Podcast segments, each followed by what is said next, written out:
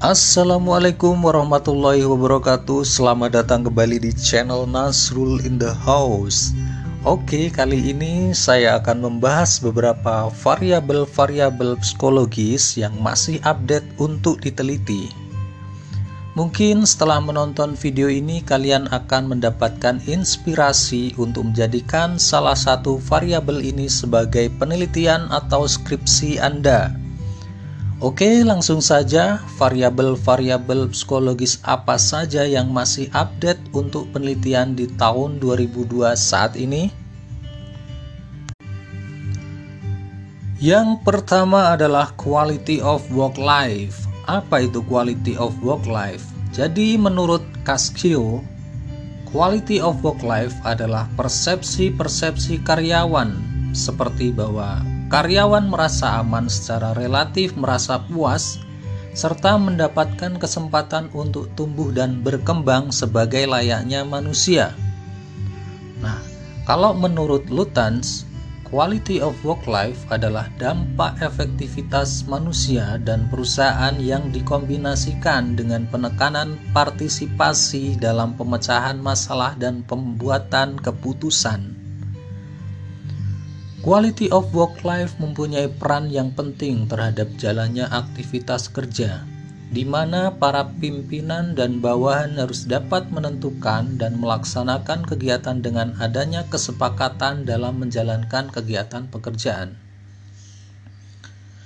Dari penjelasan tersebut, maka dapat disimpulkan bahwa quality of work life adalah suatu proses untuk mencapai persepsi karyawan tentang rasa aman dalam bekerja, kepuasan kerja, serta kesempatan untuk tumbuh dan berkembang sesuai kebutuhan dan rencana kehidupan kerja demi meningkatkan martabat karyawan dan menunjang efektivitas perusahaan.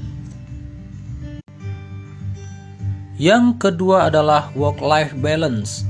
Menurut Kaliat dan Brock, Work-life balance sebagai persepsi individu di mana aktivitas dalam pekerjaan dan kehidupan non-kerja itu dapat berjalan bersama dan mendorong pertumbuhan pribadi sesuai dengan prioritas hidup individu. Menurut Lockwood, work-life balance adalah suatu keadaan seimbang pada dua tuntutan di mana pekerjaan dan kehidupan seseorang individu adalah sama Sedangkan penjelasan lain yang dikemukakan oleh Hudson, work-life balance adalah tingkat kepuasan atau kecocokan antara peran ganda di dalam kehidupan seseorang. Hal ini sesuai dengan definisi yang dikemukakan oleh Greenhouse, Collin, and Shaw bahwa Keseimbangan kehidupan kerja adalah sejauh mana karyawan secara seimbang terlibat dan puas dalam perannya di kehidupan pekerjaan dan kehidupan non-kerjanya. Variabel yang ketiga adalah stres akademik. Stres akademik adalah tekanan yang dialami mahasiswa akibat persepsi subjektif terhadap suatu kondisi akademik yang memunculkan respon berupa reaksi fisik, perilaku, pikiran, dan emosi negatif akibat adanya tuntutan akademik, menurut Barcelli dan Ifdil. Menurut Goffard and Gregor, stres akademik adalah kondisi individu yang mengalami tekanan disebabkan karena merasa dirinya tidak mampu untuk menangani dan menyelesaikan tugas akademik. Menurut Wills, Stres akademik merupakan hasil dari kombinasi antara tuntutan akademik yang melebihi kemampuan adaptif individu. Maka dapat disimpulkan bahwa stres akademik adalah tekanan yang dialami mahasiswa atau siswa akibat persepsi subjektif terhadap suatu kondisi akademik yang memunculkan respon berupa reaksi fisik, perilaku, pikiran, dan emosi negatif akibat adanya tuntutan akademik.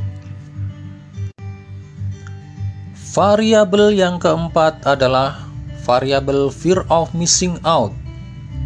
Fear of missing out pada dasarnya merupakan kecemasan sosial, tetapi dengan perkembangan teknologi dan internet saat ini menyebabkan kondisi ini semakin meningkat.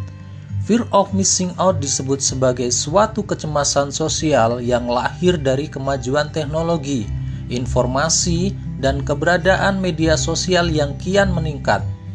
Saat ini, berbagai macam bentuk informasi dapat diperoleh melalui internet. Salah satunya adalah informasi sosial, di mana internet memberikan fasilitas bagi individu untuk terhubung dengan lingkungan sosialnya dan dapat melakukan komunikasi tanpa harus bertatap muka. Secara teoritis, fear of missing out menurut Pribelsky, Murayama, Dehan, dan Gladwell, fear of missing out merupakan ketakutan akan kehilangan momen berharga, di mana individu tidak dapat hadir di dalamnya dan ditandai dengan keinginan untuk tetap terhubung dengan yang orang lain lakukan melalui internet atau dunia maya. Sedangkan menurut GWT Intelligence, fear of missing out merupakan ketakutan yang dirasakan oleh seseorang bahwa orang lain mungkin sedang mengalami suatu hal atau kejadian yang menyenangkan, namun orang tersebut tidak ikut merasakan hal itu maka dapat disimpulkan bahwa fear of missing out adalah ketakutan akan kehilangan momen berharga di mana individu tersebut tidak dapat hadir di dalamnya dan ditandai dengan keinginan untuk tetap terhubung dengan apa yang orang lain lakukan melalui internet atau dunia maya. Variabel yang kelima adalah work engagement, merupakan sebuah konsep pemikiran di mana karyawan yang memiliki rasa engagement, dalam kata lain yakni merasa terikat terhadap pekerjaan, sehingga ketika mereka bekerja, mereka akan lebih bersemangat dalam melakukan pekerjaan mereka. Menurut Scavelli and Becker mendefinisikan work engagement sebagai suatu yang bersifat positif yang berkaitan dengan perilaku dalam pekerjaan yang meliputi pikiran mengenai hubungan antara pekerja atau karyawan dengan pekerjaannya yang ditandai dengan semangat atau vigor dan dedikasi atau dedication serta penghayatan atau absorption dalam pekerjaan. Dengan kata lain, karyawan yang memiliki work engagement tinggi, mereka akan menyalurkan seluruh pikiran dan tenaga yang dimiliki terhadap pekerjaan mereka, serta lebih bersemangat dalam bekerja. Maka dapat disimpulkan bahwa work engagement merupakan suatu kondisi di mana karyawan memiliki rasa terikat pada pekerjaan mereka yang ditandai dengan semangat atau vigor, dedikasi atau dedication, serta penghayatan atau absorption dalam pekerjaan mereka yang melibatkan proses kognitif serta psikis dan dapat mempengaruhi kinerja serta produktivitas karyawan dalam bekerja. Variabel yang keenam adalah turnover intention adalah keinginan untuk berpindah pekerjaan atau keinginan untuk keluar dari suatu organisasi dalam bentuk berhenti bekerja atau pindah ke organisasi lain karena tidak merasa nyaman dan berkeinginan untuk mendapatkan pekerjaan yang lebih baik lagi. Susiani mengungkapkan bahwa turnover intention merupakan perasaan yang timbul dari individu, yaitu niat untuk berhenti dari pekerjaannya secara sukarela menurut pilihannya sendiri. Variabel yang ketujuh adalah growth mindset. Growth mindset merupakan pola pikir yang meyakini bahwa potensi seseorang dan atribut psikologi dapat berkembang melalui latihan dan usaha lebih dalam menghadapi tantangan yang semakin sulit. Ini menurut Dweck. Selanjutnya, menurut Yeager and Dweck menjelaskan bahwa growth mindset merupakan kepercayaan kemampuan seseorang dapat dikembangkan. Segala sesuatu dapat dicapai dengan belajar. Individu yang growth mindset adalah pribadi yang meyakini potensi dapat berkembang dengan tantangan yang semakin sulit dan meyakini bahwa segala sesuatu dapat dicapai dengan belajar apa pun. Proses belajar akan menemukan tantangan dan hambatan, namun hal tersebut diyakini dapat diatasi dengan usaha dan ketekunan maka akan sukses. Fokus pada proses belajar, bukan pada dorongan menjadi orang pintar. Ketika mengalami kegagalan, individu mencari strategi dan jalan keluar, meminta bantuan orang lain ketika dibutuhkan. Dari penjelasan tersebut, maka dapat disimpulkan bahwa growth mindset merupakan pola pikir yang meyakini bahwa potensi dan atribut psikologi dapat dikembangkan melalui latihan dan usaha lebih dalam menghadapi tantangan yang semakin sulit. Variabel yang kesembilan adalah workplace harassment. Perlakuan tidak baik dalam lingkungan pekerjaan sering disebut juga dengan workplace harassment apa pun bentuknya baik itu verbal atau fisik dan melibatkan unsur gender, ras hingga agama. Workplace harassment merupakan bentuk tindakan diskriminatif dan melanggar hukum. Workplace harassment juga merupakan salah satu bentuk bullying. Hal ini bukanlah hal yang bisa ditoleransi karena bisa mempengaruhi kesehatan mental dan fisik pekerjanya. Tidak ada batasan mengenai hal apa saja yang bisa dijadikan bahan untuk membuli seseorang, mulai dari penampilan fisik, kelakuan, disabilitas, usia, status pernikahan, jenis kelamin, hingga pemasukan. Tipe-tipe penyampaian workplace harassment dapat terjadi menjadi tiga. Yang pertama adalah fisik, Perlakuan tidak menyenangkan dalam bentuk fisik lebih jarang terjadi dan lebih sulit untuk dikenali karena pelakunya akan lebih mudah mengelak.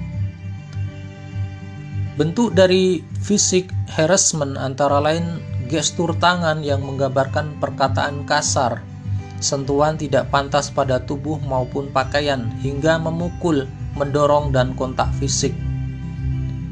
Yang kedua, verbal atau tertulis. Ini adalah bentuk perlakuan tidak menyenangkan yang paling umum terjadi di lingkungan kerja. Bentuk perlakuannya dapat berupa kiriman email dengan jokes yang mengandung unsur seksual, seksis, atau sara, membuat komentar tidak pantas mengenai umur atau disabilitas seseorang. Yang ketiga adalah visual, Workplace harassment berbentuk visual merupakan jenis yang paling sulit untuk dikenali karena sifatnya yang sangat subjektif. Pelakunya belum tentu menganggap apa yang ia lakukan bersifat menyinggung. Bentuk workplace harassment dalam bentuk visual antara lain penggunaan pakaian dengan kata-kata kasar, memajang gambar dengan unsur pornografi, dan menunjukkan konten yang mengandung unsur pornografi atau kekerasan pada orang lain.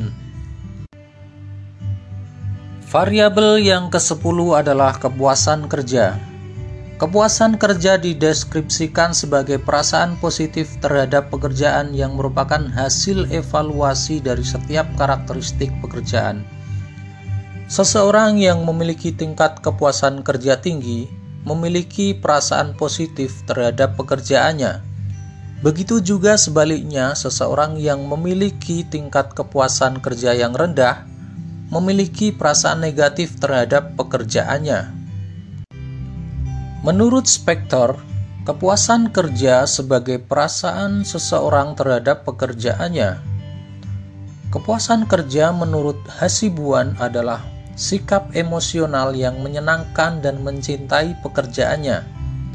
Dari penjelasan tersebut, maka dapat diambil kesimpulan bahwa kepuasan kerja adalah perasaan positif individu terhadap pekerjaannya yang berupa sikap emosional menyenangkan dan mencintai pekerjaannya. Oke, teman-teman, itulah variabel-variabel psikologis yang masih update untuk diteliti saat ini. Ya, sebenarnya masih banyak variabel-variabel yang bisa diteliti. Nah, kita akan lanjutkan di video berikutnya ya. Terima kasih. Wassalamualaikum warahmatullahi wabarakatuh.